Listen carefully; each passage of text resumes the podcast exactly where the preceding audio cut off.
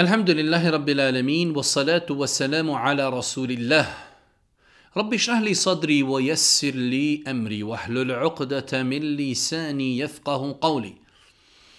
To je svaka zahvala pripada uzvišnom Allahu, tabaraka wa ta'ala. Salavat miri selam na Allahu poslanika, Allahu binilika Muhammed, alihi salatu wassalamu njegovu časnu porod, suzorte ashabe i sve ljude koji slijede put istine do sudnjega dana. Uvažna braću i poštovane sestre, uvažni prisutni, Evo nas još jednoj emisiji u kojoj se družimo s vašim pitanjima i vašim dilemama koje vi u pismenoj formi šaljete na naš e-mail. Ovo je naša 136. emisija, ako smo dobro brojali. Prvo pitanje, osoba kaže, počela sam da klanjam istiharu namaz. Šest dana sam i otklanjana i dobila sam ciklus. Kako postupiti poslije završetka ciklusa? Treba li opet iz početka klanjati ili još jedan glan klanjati jer sam čitala da se klanja sedam dana. Znači imamo jednu našu sestru, postavlja pitanje, ona je negdje pročitala se istihara, namaz klanja sedam dana, ona je klanjala šest dana pa je dobila ciklus, e sad ovaj sedmi dan, da li će ga klanjati nakon ciklusa ili će morati iz početka. Nije mi poznato da je neko od islamskih učenjaka e, spomenuo da osoba koja klanja istiharu treba da je klanja sedam dana ili sedam puta. Istihara se klanja u osnovi jednom, a može se klanjati ili više puta, ali ne postoji nikakav dokaz uh, niti mi je poznato da je neko od islamskoj činjaka to obavezao na sedam dana i da to mora biti kontinuirano. Insan klanja istiharu do onog momenta dok jednostavno osjeti e, da jednostavno donio je odluku i da nema više potrebi da ponavlja klanje istihari. E, u većim slučajeva je klanja se jednom, ali se može klanjati ili više. Ali nije to ograničeno na sedam, niti je ograničeno da mora biti dan za danom. Može čovjek klanjati istiharu danas, pa nakon tri dana opet kaže nisam još odlučio, želim ponovo da klanjam, pa opet pet dana pa kaže opet bi klanjao istiharu, sve je to u redu, ali ograničavati na sedam dana, dan za danom, za to ne postoji nikakav dokaz. da li dužnik može ići na umru? da li dužnik, osoba koja ima dugove, može ići na umru? E, dužnik može biti u jednoj od dvije situacije. Prva stvar imamo dužnika e, čiji dug je trenutačan, znači završen je dug e, u smislu istekao i vrijeme treba da vrati novac, u takvoj situaciji insan treba da da prednost odlasku, e, treba da da prednost vraćanju duga nad umrom.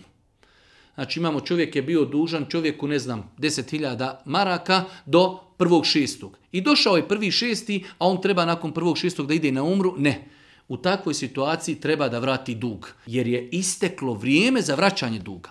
Imamo drugu situaciju kada čovjek ima dug možda u, u naredni dvije godine da ga vraća u ratama i on svoju ratu redovno vraća, ali uz sve to ima dodatno novca može da ode na umru. U takvoj situaciji ako čovjek ode na umru, ako Bog da, nije griješan. Znači, inšala biznila, on vraća svoju ratu onako kako je dogovorio, ima mimo toga dovoljno novca da ode na umru. I u ovakvoj situaciji ako bi čovjek dao prednost dugu, lijepo bi postupio, ali nije mu, nije mu obaveza.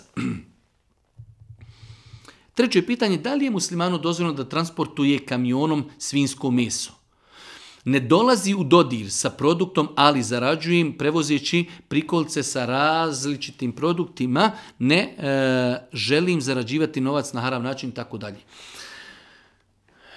Osoba koja transportuje ono što je haram, e, nekada ljudi pomisli, dobro, ja nisam u direktnom kontaktu, ja dovučem kamion, ostavim ga ljudi sa, sa utovarivačima, utovari alkohol, svinjetinu na moj kamion, ja ga vozim tamo, ja nisam imao dodir. Nije čovjek imao direktan dodir, ali on je taj koji je od tačke A do tačke B prevukao i nekome ponudio, omogućio da konzumira alkohol i svinjetinu. Tako da, e, bez obzira što čovjek nije u direktnom kontaktu, ali je on izvršioc, on je omogućio nekome da mu prevuče od tačke A do tačke B nešto što je haram, tako da eh, Allah najbolje zna ovakvi poslovi su zabranjeni haram. Ako čovjek sigurno zna, ako čovjek prevozio, kaže jednostavno prevozim, ne znam šta prevozim, to je nešto drugo, ali čovjek zna prevozim alkohol, prevozim svinjetinu, takav posao čovjek treba da eh, ili odbije ili da napusti. Naime, moj blizak prijatelj je nedavno preselio na Hiret. Ja sam odlučio da mu, e, da mu sam učim cijelu četiriesnicu. Mene zanima da li se njemu prima jasin ako mu ja učim tako što čitam arapski izgovor napisan na latinicu. Znači imamo ovdje jedno pitanje od jednog prijatelja koji u želji da za svog prijatelja baba uradi nešto korisno, odlučio je da 40 dana za njega uči jasin, ali e, ne zna učiti na arapskom pa uči na latinici. E, ovdje imamo dva pitanja. Prva stvar, nije propisano da se 40 dana iz dana u dan uči jasin. Znači, možemo mi proučiti nekome jasin jednom ili dva put, 50 dana, 40, ali ograničavati to na 40 dana, to je neispravno. Druga stvar, mnogo više neispravno toga je učiti Kur'an napisan na latinicu. Čak je ovdje došlo dole na kraju pitanja, čovjek kaže... jer vrlo vjerovatno nešto treba izgovoriti dužije, nešto kraće, a ja to doslovno pročitam kako piši. Čovjek je sam shvatio da a, e, velika je mogućnost da čovjek koji čita na latinici će neispravno izgovarati, što je apsolutno tačno. Osoba koja a, e, uči Kur'an, čita ga na latinicu, arapske izraze pravi ogromne, ogromne greške. Zato islamski učenjaci nisu dozvole, dozvolili da se Kur'an piše osim na arapskom ono što se kod nas piše na transkripciji, kod nas se štampa Kur'an cijeli na transkripciji latinicom, to je haram, to je zabranjeno, to nikada nikod učenjaka nije dozvolio, ali ljudi želi da prodaju transkripcija, da, da, se, da se jednostavno nešto vrti, ljudi su spremni urati ono što je zabranjeno. Tako da u ovakoj situaciji znači e, nije ispravno učiti taj jasin 40 dana, niti ga je ispravno učiti na transkripciji. Insan treba da zna da čovjek kada umri može za njega dobiti svaki dan na svakom navazu, na svakoj seđdi, može za njega udjeliti sadaku, može znači za njega, a ako ima mogućnost obaviti hađ ili umru. To su stvari koje su došle precizirano, jasno spomenute hadisima Božih poslanika, alihi salatu wasalam. Peto pitanje, kako će postupiti žena koja ide na umru u periodu mjesečnici? Kako se nijeti? Žene koje idu na umru, u većini slučajeva naš narod ide u Medinu, nakon toga ide u Meku, nevezano za to, osoba koja ide na umru, žena u mjesečnici, ona će kada dođe do Mikata, znači otkli god da idemo, ako idemo iz Džide, ako idemo iz Taifa, ako idemo iz Medine, moramo prijeći nešto što se zove granica, Mikat. Onog momenta kada se prelazi Mikat, žena koja je u hajzu, zanijeti će, lebejke Allahumme umraten, gospodaru, odazivam ti se umrom. Ulazim u ihramske zabrane. I onda će u Meki čekati dok se okupa. Kada se očisti okupa, otiće i obavit će umru. Ako bi se desilo, tokom boravka, kako u njena grupa ili njen čovjek s kim je došla, boravi kratko u Meki i nema vremena da se okupa, Prije samog polaska zaštitit će se znači, higijenskim ulošcima i otiće, obavit će tavaf, obavit će znači, saj između Safe i Merve, iako Bog da njena umra je ispravna, ali znači, čekat će do kraja. Prije samog znači, polaska njene grupi, ako se ne okupa. Ako se okupa, obavit će onako kako je propisano, znači kao čista osoba, ako se ne okupa, prije samog polaska zaštitit će se higijenskim ulošcima, otići obaviti tavaf, neće klanjati dva rekiata, pošto je to znači, e, zabravljeno klanjati ženi koja je u hajzu, otići obaviti sedam krugova između safe i mervi, skratiti kosu i time ako Bog da njena umra ispravna i validna.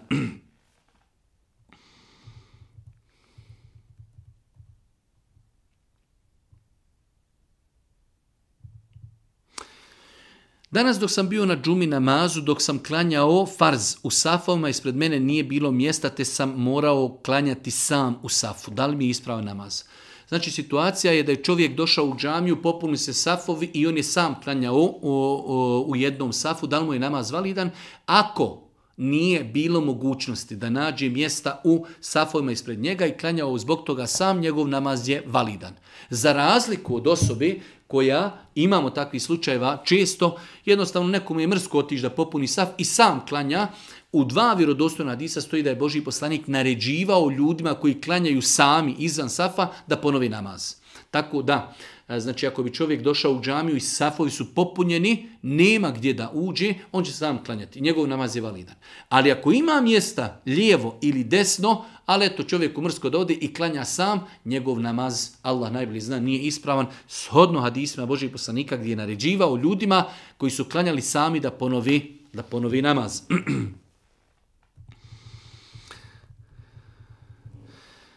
Klanje jednog kurbana namnijen je no na sebe i porodcu. Ako ostali članovi porodce imaju želju da učestvuju u plaćanju tog kurbana ili dozvoljno. Znači imamo osobu, želi da zakolje jedan kurban, A znamo da jedan kurban eh, je dovoljan za cijelu jednu porodicu, bez obzira koliko ljudi bilo u jednoj porodici, ako su za istom sofrom i žive u istoj kući, ali evo imamo u toj kući možda 3, 4, 5 osoba koji imaju nešto novca i svi zajedno žele da učestvuju da kupe kurban, je to sporno? Apsolutno nije sporno.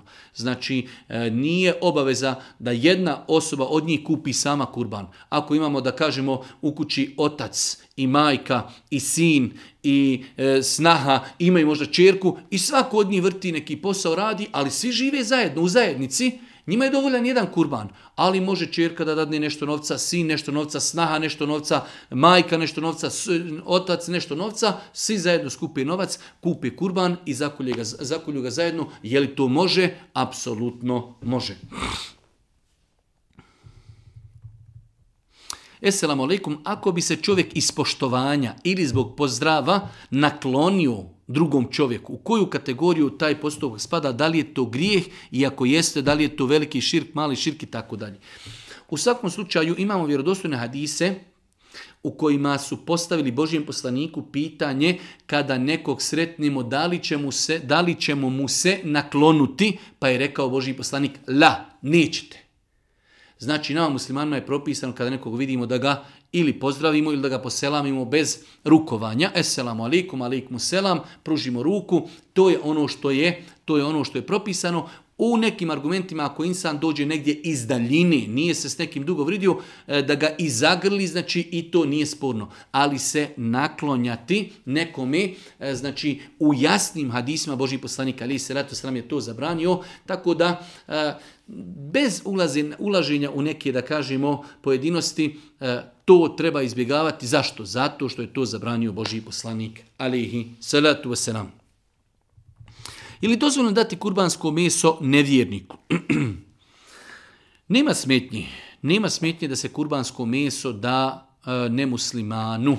Nima nikakve smetnje, ne postoji nikakvi šarijatski dokazi na osnovi koji bi kazali da je to zabrano nama muslimanima. Znači, e, u osnovi naređeno je i propisano da ljudi koji žive u našem okruženju od nemuslimana se prema njima lijepo opodimo ako su nam, nam komšije, da čuvamo komšijske odnose, da ih ne uznemiravamo, da ih ne vrijeđamo, da im odnesemo s vremena na vrijeme poklon, uh, kao što je hrana i nešto slično tome, a isto tako i na dan, znači Bajrama, da dio mesa odnesemo i da jednostavno i te naše komšije e, osjeti e, dio te naše atmosfere, bajramske atmosfere, da im odnesemo, pogotovo ako su sirotinje, ako su bjeda, da im se odnese, znači e, ne da nema u tome ništa sporno, čak to je znači jedan vid, jedan vid pohvalnog dijela, da čovjek, znači sve one koji su u njegovom okruženju, koji su u potrebi, da im odnese, da im da, bez obzira obzira da li to bili muslimani ili nemuslimani.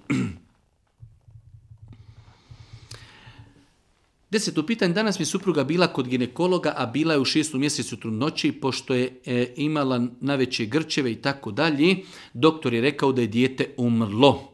Moje pitanje je sljedeće, da li treba klaniti dženazu i nadjenuti ime djetetu? Znači imamo situaciju da jednom od našeg brać, na, jednom našem bratu preselilo dijete, a žena je bila u šestom mjesecu trudnoći da li takvo dijete treba znači ukopati klanati dženazu nadjevati ime da znači onog momenta kada dijete napuni četiri mjeseca i dijete oživi od tog momenta ako se žena nakon toga porodi odnosno ako bude spontani e, znači ne rodi živo dijete dijete se tretira kao e, odrasla mrtva osoba. Svakako da imamo i drugačiji stavova, ali Allah najbolje zna e, na osnovu istraživanja ovog pitanja, ja sam došao do spoznaje da dijete koje je oživjelo u utrobi majke i formirali su mu se ljudski organi, da takvo dijete treba, znači bez obzira, e, uzeti, okupati, zamotati i klanjati mu dženazu, može mu se naditi, može mu se nadjenuti također ime. Tako da, tretirati dijete kao da je u pitanju velika dženaza, E, nikako ne dopuštati, pogotovo u ovakvim situacijama,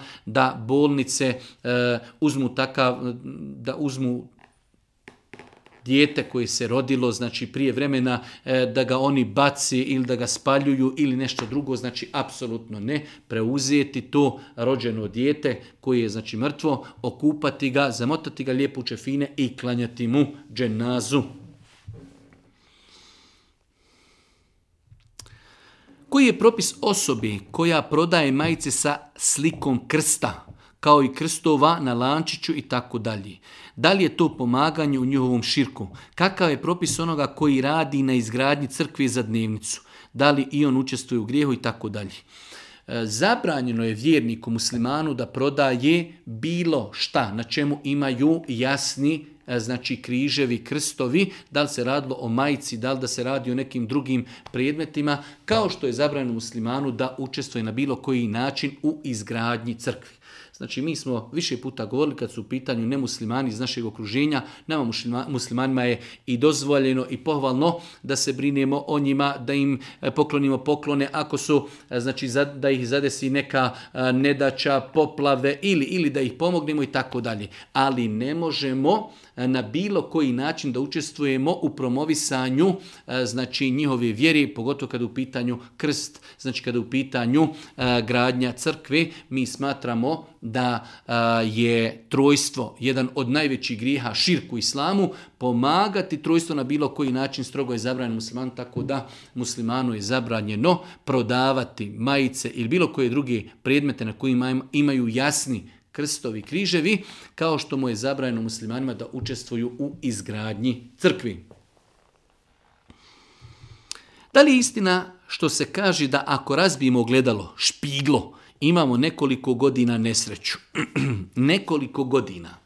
Da li je tačno ako mi razbijemo neko gledalo, špiglo, da ćemo nekoliko god, nekoliko, pazite, neprecin, to može biti 7, 8, 10, 12, 15 godina. Nije tačno, hvala uzvišom Allah, e, znači, uh, E, pa nam to nije propisao u našoj vjeri. E, čovjek kao što može razbiti ovo, može razbiti ogledalo i to nema nikakvih, apsolutno nikakvih e, posljedica niti po njega, ni po njegovo zdravlje, ni po njegovu porodcu, niti to ima ikakve veze sa srećom ili nesrećom. Čisto sujevjer je, znači samo jedan u dugom nizu, dugoj ljestvici, uh, postupaka koji su rasprostranjeni i koji su poznati u našem društvu, a koji nemaju nikakvo utemeljenje u vjeri.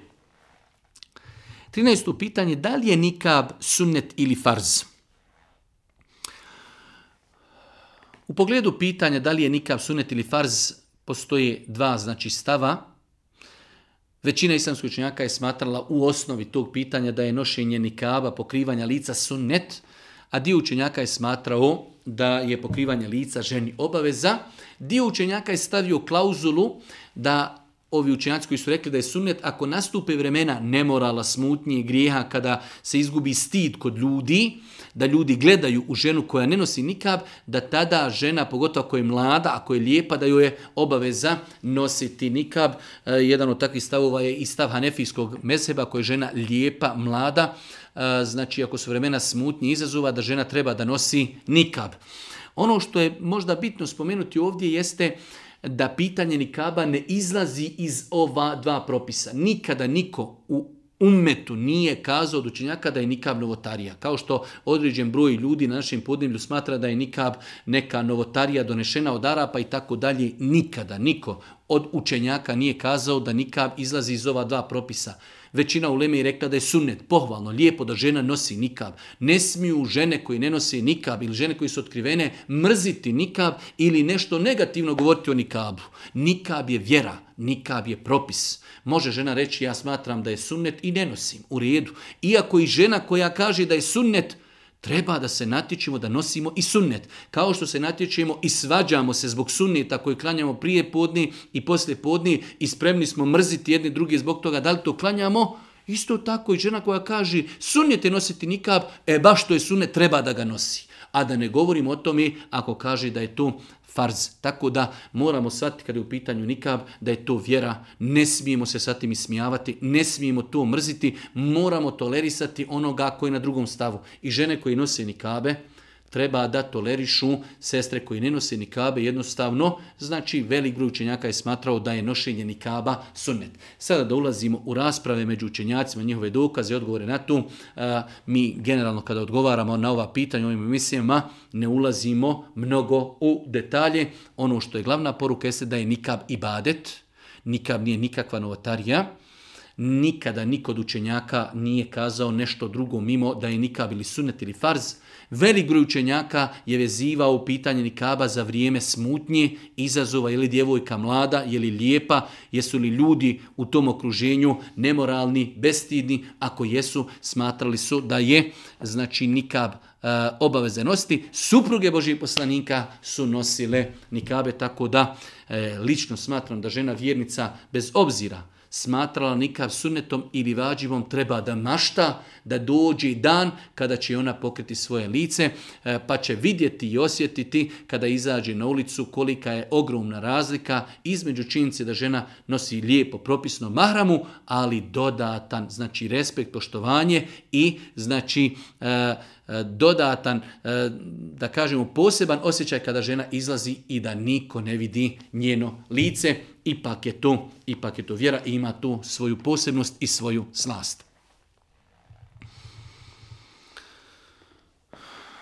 Da li možete da mi odgovorite na temu propisa skraćivanja namaza za vrijeme padanja kiši?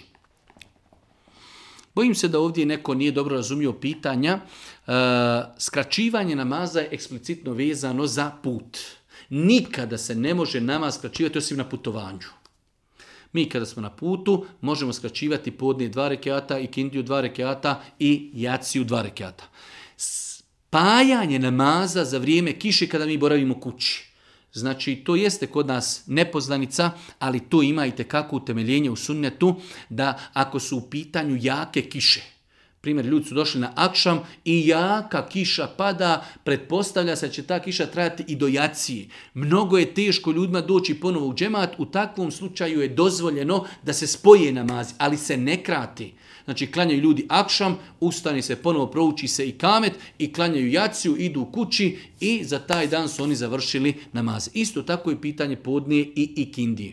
Znači, ako su u pitanju jaki, jaki pljuskovi, ako je hladno, ako je ljudima teško dva puta doći u džemat, znači bitno je da ta kiša je prisutna za vrijeme i da je jaka, da to nisu neke kišice, da to nije nešto što je da kažemo u nekom podneblju normalno, ako su jake kiše, vjetrovi, pušu, oluje, hladno je, Islam je dozvolio argumenti, znači e, e sunneta Božih poslanika potvrđuju da je dozvoljeno u takvim nekim vatrednim situacijama da se dva namaza spoje ili podne sa ikindijom ili ik, e, akšam i jacija da se spoje. Znači klanjamo akšam, preda se selam, ustaje se, uči se i kamet, klanja se jacija, akšam tri rekiata, jacija četiri rekiata bez ikakvog kraćenja i to je inšallah, dozvoljeno, pod uvjetom da ima kiše, da je kiša jaka i da je teško ljudima dolaziti ponovo u džemat.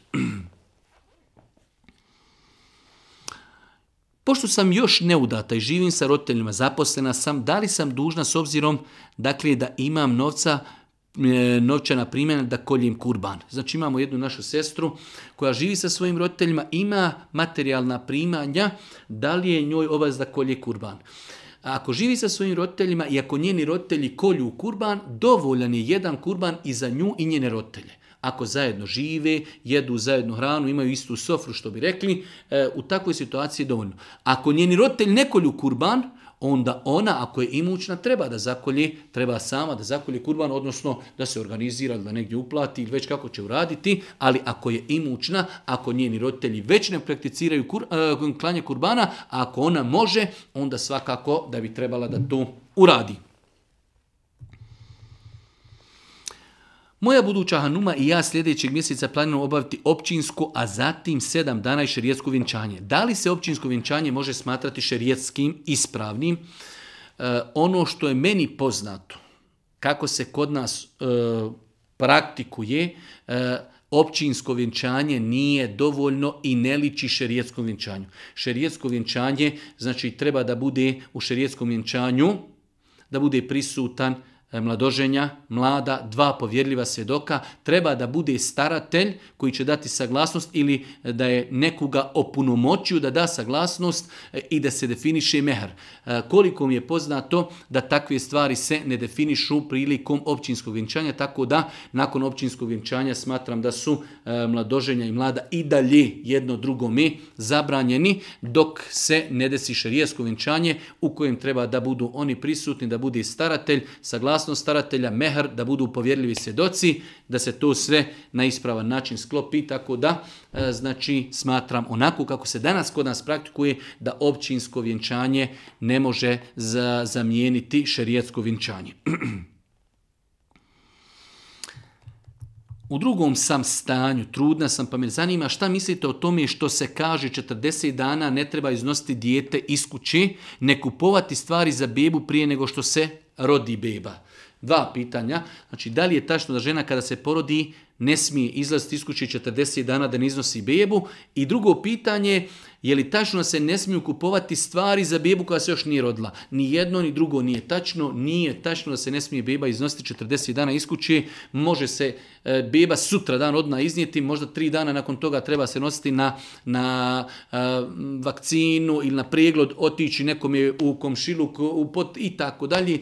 Nema nikakav problem da se sa šerijetske strane da se dijete e, znači, znači iznese iz kuće prije 40 dana. S druge strane, može li se uzimati odjeća djetetu koji se nije rodilo? Apsolutno da. Ne postoji nikakav dokaz na osnovu kojeg bi kazali da se ne smije uzimati djetetu odjeća dok se još nije djete rodilo. Osamnaesto pitanje, kojim danima u Zulhidžetu je pohvalno postiti?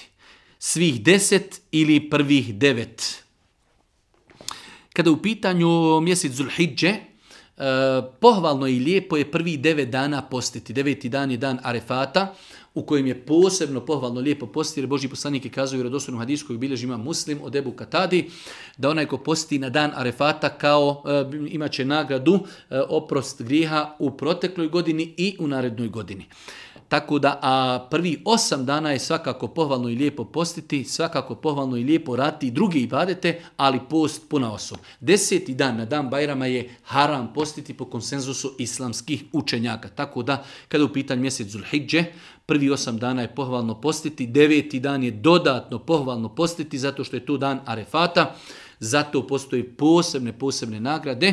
Deseti dan je haram postiti zabranjeno. Dani Bajrama su dani sreće, veselja, e, pogotovo kurbanski Bajram, kada je pohvalno i lijepo da čovjek jede od kurbanskog mesa, e, e, pogotovo obilazak rodbine, kolači i tako dalje. Tako da su to dani veselja, jela i pića, kada je haram postiti po konsenzusu islamskih učenjaka. 19. pitanje, da li osoba koja ima dug može zaklati kurban ili je bolje vratiti dug od novca kojim je namiravala kupiti kurban? E, ovdje imamo dva pitanja, u osnovi znači klanje kurbana je li za dozvo, e, obaveza ili ne, ali s druge strane imamo osobu, ima dug. Ima dug, da li je prioritetnije krati kurban ili vratiti dug? Apsolutno prioritetnije vratiti dug. Nažalost, živimo u vremenu kad se mnogi, mnogi poigravaju sa pitanjem vraćanja eh, duga. Allah poslanik kaže u gradostrom hadisu eh, odgađanje, vraćanja duga od strane osobe koja je imućna je vulum. Vulum, Boži poslanik kaže matlul gani je vulum.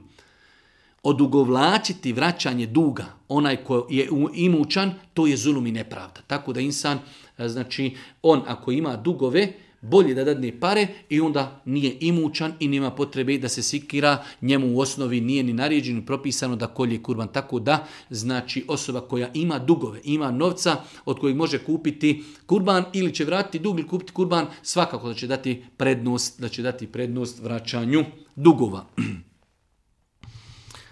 Kakav je propis klanja kurbana noću? određene osobe ne mogu uklati kurban u toku dana, jednostavno neko radi, neko putuje i tako dalje. S aspekta islama ne postoji dokazi e, na osnovu kojih bi kazali čak da je pokuđeno klanje noću, pogotovo u današnje vrijeme kada imamo reflektore, kada imamo sijalce, kada imamo a, e, rasvijete, nema ništa sporno u tome da se kurban kolje na veći. Pitanje opet vezano za kurban, do kada se mogu uklati kurbani? Tri ili četiri dana? Tačno je mišljenje da se kurban može klati prvi dan Bajrama i još dodatna tri dana do zalaska sunca. Znači prvi dan i još dodatna tri dana do zalaska sunca tog četvrtog dana. Znači imamo prvi dan i još tri, to je zajedno svega četiri dana, do zalaska sunca četvrtog dana. Postoji jako razilaženje kod islamske učenjaka, Allah najbolji zna, uh, Mm, prioritetni i najjači stav s aspekta dokaza jeste do stav da se može klati kurban prvi dan Bajrama i još dodatna tri dana do zalaska sunca. 22. pitanje, moram li svima koji su meni donijeli kurban odnijeti kurban? Jedna praksa u našem narodu jeste da pogotovo kad su u pitanju manje sredine gdje ljudi znaju jedni druge, pa kogod je meni donio kurban kao treba da i ja njemu odgovorim, da mu uzratim i odnesem kurban, uh, Nije to ni obaveza i čak što više mislim da treba da se iskorjenjuje takvo uvjerenje. Nekada ljudi od jednog kurbana koji ima 10 ili 12 kila mesa eh, napravi 30, 40, 50, 60 neki mali kurbana da jednostavno samo ispoštuju da odnesu svima onima koji su njima donijeli eh, eh, u osnovi već tada kurban gubi svoju suštinu. Znači jednostavno meni je bitno samo da uzratim svima koji su mi dali, zato sam stava da eh, kurban treba izrezati u malo veće komade mesa, E, par komada odnijeti prijateljima, komšijama, poznanicama, par odnijeti onima koji su bijeda, koji nemaju, da baš i oni taj dan osjeti da je to bajram, da uzmu jedan komad mesa, da ga ispeku, da pojedu sa svojom porodcom, a ne da smo otišli samo u običaj, svi su meni donijeli i ja ću svima odnijeti i to je onda ja, tebi, ti, meni, bukvalno suština kurbana se u svemu tome i gubi.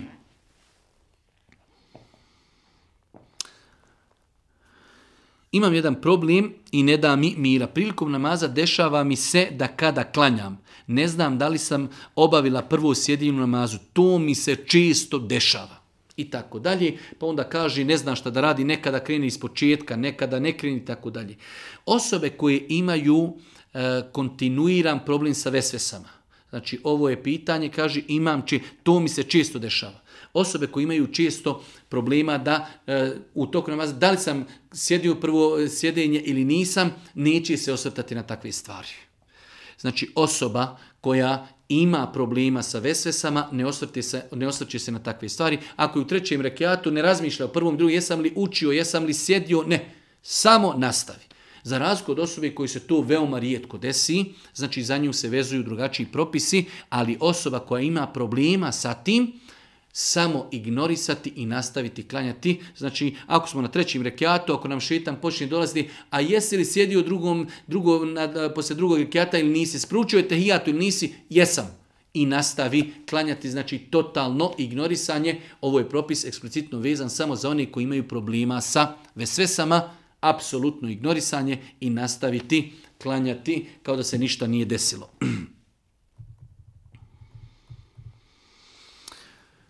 Postoje neka mjesta za koja kažu da radi na halal način, ali nemaju neki dokaz, nemaju certifikat. Zanima me vaše mišljenje da li je dozvoljeno otići na takva mjesta. Znači, ovo je jedno malo duž pitanje gdje jedan brat kaže imaju radnje koji imaju certifikate, e, mesnice, čevabđinice, restorani. Imaju restorani, čevabđinice za koji se znaju da je njihovo meso halal, ali nemaju certifikat. Da li mi možemo otići kod njih? Apsolutno da. Da. Poenta je, suština, da mi znamo da je to meso halal. Da li neko sebi priuštio mogućnost da ima halal certifikat ili ne, to je manje bitno koliko je nama bitno da mi znamo, ako imamo dvije radnje, jedna radnja ima halal certifikat, druga nema halal certifikat, ali mi znamo, pitamo, čovjek kaže ja nabavljam meso tog i tog, a mi znamo da je to meso halal, možemo li mi tu otići, svakako da možemo. Halal certifikati postoje u zadnji 20, 30, 50 ili maksimalno ne znam 60 e, godina. E, kako su ljudi prija ulazili u radnje, na osnovu toga da li znamo kod koga je halal, kod koga nije halal. Tako da nije uvjet da bi kod nekoga jeli da mora imati halal certifikat, ali je uvjet onda da znamo. Da ne bi neko pogrešno shvatio, znači ovdje je pitanje postavljeno imamo radnje za koje znamo da je njihovo meso halal ali nemaju certifikat. Možemo li kod takvih ljudi jesti? Svakako da možemo. Pitanje u vezi sa igračkama koje predstavljaju repliku vatrenog oružja. Da li je dozvoljno promovisati i prodavati ovakve e, tipove igračaka? E, nisam čuo nikada da je neko od islamskih učenjaka nešto slično tome zabranio. Jednostavno, svi znaju da je to namjenjeno za igru i svi znaju... E, i od djetinstva i od davnina vaš da su se djeca pravila su sebi neke puškice, pravili su neke mačeve, pravili su neke strele, tako dalje.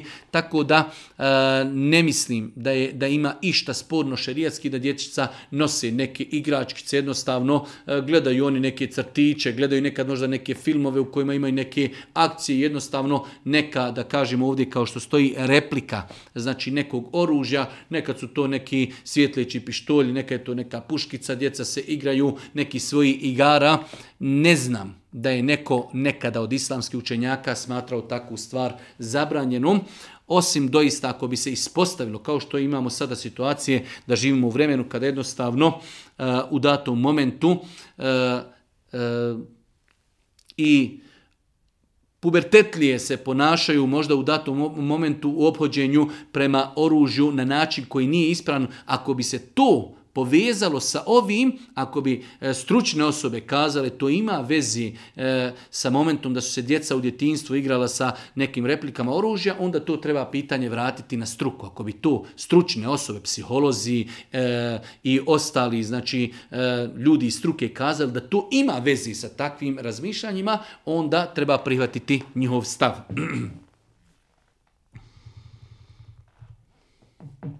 Ako dođem u mesečin i stanem da klanjam, donesem početni tekbir, a u tome grupa ljudi uđe u džamiju i počnu formirati džemat. Da li mogu prekinuti svoj namaz? Znači imamo situaciju da nekada čovjek nije klanjao sa džematom, ušao u džamiju, počeo je klanjati, umeđu vremenu uđe druga grupa ljudi i počnu klanjati u džematu. On sam klada, klanja sam, oni klanju u džematu.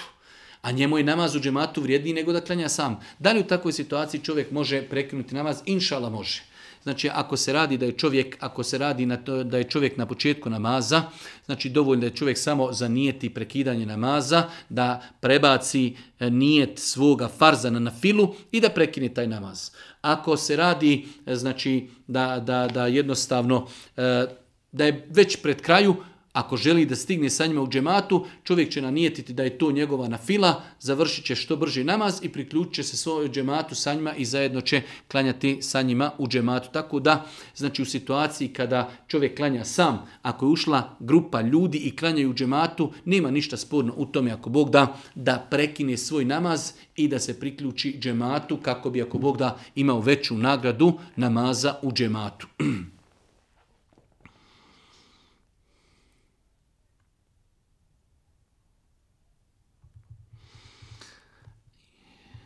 Jedno malo duže pitanje, a radi se o situaciji da čovjek kaže da on i njegova supruga prati naša pitanja i odgovore. U svakom slučaju, kaže, njegova supruga je rekla da ne želi da pomaži ništa što se vezuje za njegove rotelje, a njemu bi mnogo značilo da njegova supruga, hajde da kažemo, bilo šta od tih nekih izmeta e, radi njegovim roteljima i tako dalje, u svemu tome e, šta je ispravno. Eh, rekli smo da postoje određene stvari, e, prava i obaveze, ali isto tako imaju neke moralne obaveze. Nije ženi obaveza s aspekta islama da izmeti roditeljima svoga muža. Ona se udala za svog čovjeka, njemu sprima, njemu čisti i tako dalje. Ali isto tako imamo stvari da e, mužu određene stvari nisu obaveze prema njegovoj supruzi. Njemu obaveze da je odvede na hađ, pa opet čovjek odvede svoju suprugu na hađ. Po velikom broju učenjaka nije čovjek obaveza da finansira liječenje svoje supruge, pa je opet čovjek pomaži i tako dalje. Pa kao što čovjek svojoj supruzi pomaže u liječenju, pomaže da ide sa njim na hađ ili na umru, isto tako i žena treba da u želji da postigne zadovoljstvo svoga muža, da jednostavno napravi tu neku, napravi taj neki kompromis, znači da i ona u želji da pridobije simpatiju, ljubav, harmoniju svoga čovjeka, da jednostavno bude na usluzi njegovim roditeljima, jer svaki čovjek je takav muškarac, voli i, i to ga dodatno čini i zadovoljni sretni ako vidi svoj svoju suprugu da je u lijepim obhođenju, u lijepim odnosima pa sa njegovom suprugom, sa njegovom majkom, sa njegovim ocem, da znači u granicama njenih mogućnosti e, situaciju u kojoj se nalazi, ali da to ne bude, ne želim ništa i meni je obaveza da budem tebi. Takav pristup rezanja, preko koljena lomljenja, niti je dobar kad su u pitanju obaveze muža prema ženi, niti obaveze žene prema mužu, mora tu biti malo tolerancije i mora biti malo uvažavanja da nekada i uradimo nešto što nam nije obaveza zbog većih ciljeva, zbog harmonije u braku, tako da moj savjet je našim sestrama, znači kada je u pitanju muž, ako vide da mu to znači jednostavno i moralno, i društveno, i vjerski, Kako će ta žena biti uzor, nosi mahramu toj nekoj svojoj svekrvi i njenom svekru, kaže neće da dođe, neće nikada nam pomogni da ispeče kahvu, da počisti definitivno da, da treba poraditi na takvim pitanjima. Živim sa roditeljima koji nisu vjeri, ne prakticiraju islam, ali sam e, punoljetna i finansijski neovisna od njih. Imam li pravo ako, m, ako im imam njihovu saglasnost da zakoljem kurban te tako ispoštujem i ovu dužnost. Apsolutno da. Ne samo imam li pravo, znači ovo je pitanje jedne sestri, živi sa roditeljima, oni ne praktikuju e, propise islama, ona imućna, ima li pravo, ima nju u saglasnost da tu radi, ne samo da ima saglasnost, po, čak znači po dijelu učenjaka to je i obaveze. Tako da, hvala uzvišom Allahu kada imamo i omladince i omladinke koje žive u, pro, u porodcima, koji možda nešto ne praktikuju, ali oni su imućni i želije da oni kao pojedinci to ispraktikuju, tako da, da li ima pravo, da li je, znači dozvoljno, apsolutno ima pravo i dozvoljno dozvoljeno ako Bog da, da se u ovakvim situacijama zakolje kurban. Viđam jednu te istu osobu u toku učinja rukije. Problem je sihr i ovako kad i gore dole i tako dalje. U pitanju je, znači pitanje da li ako osoba prilikom rukije vidi jednu te istu osobu, nepresan, da li to znači da je ta osoba napravila sihr? Apsolutno ne. Apsolutno ne. Kazati za nekoga da je napravio sihr, znači je stvar za koju moramo imati jasan dokaz u protivnom, to može biti potvora. A kazati za neko da radi sa sihrom, znači sihr može biti sihr da izvodi zvijeri i može biti sihr veliki grijeh. Da za neko kažemo da radi sihr, to je krupna stvar, veoma lako ga možemo potvoriti. Zato moramo imati jasan dokaz to što neko uči, pa zatvori oči, pa u mislima ima, ima određenu osobu. To apsolutno nikako ne smijemo prihvatiti kao dokaz da nam ta osoba koju mi u mislima vidimo, da nam ta osoba pravi sihr. Tako da ne smijemo se poigravati sa takvim pitanjima.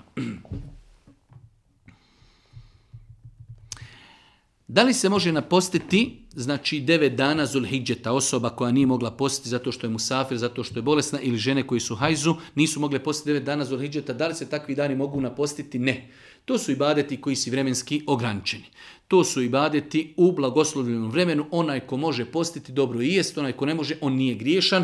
E, imam osobe koji ne mogu postiti, ali Allah zna njihovu namjeru i nijet da mogu, one bi postile. One će inšala kod Allah imati nagradu, prema svojoj namjeri nijetu. Tako da osobe u prvi 9 dana Zulhidžeta koji mogu i kako je pohvalno lijepo postiti, onaj ko uspije postiti za radio veliku nagradu, osobe koje su spriječene da posti ne mogu to napostiti.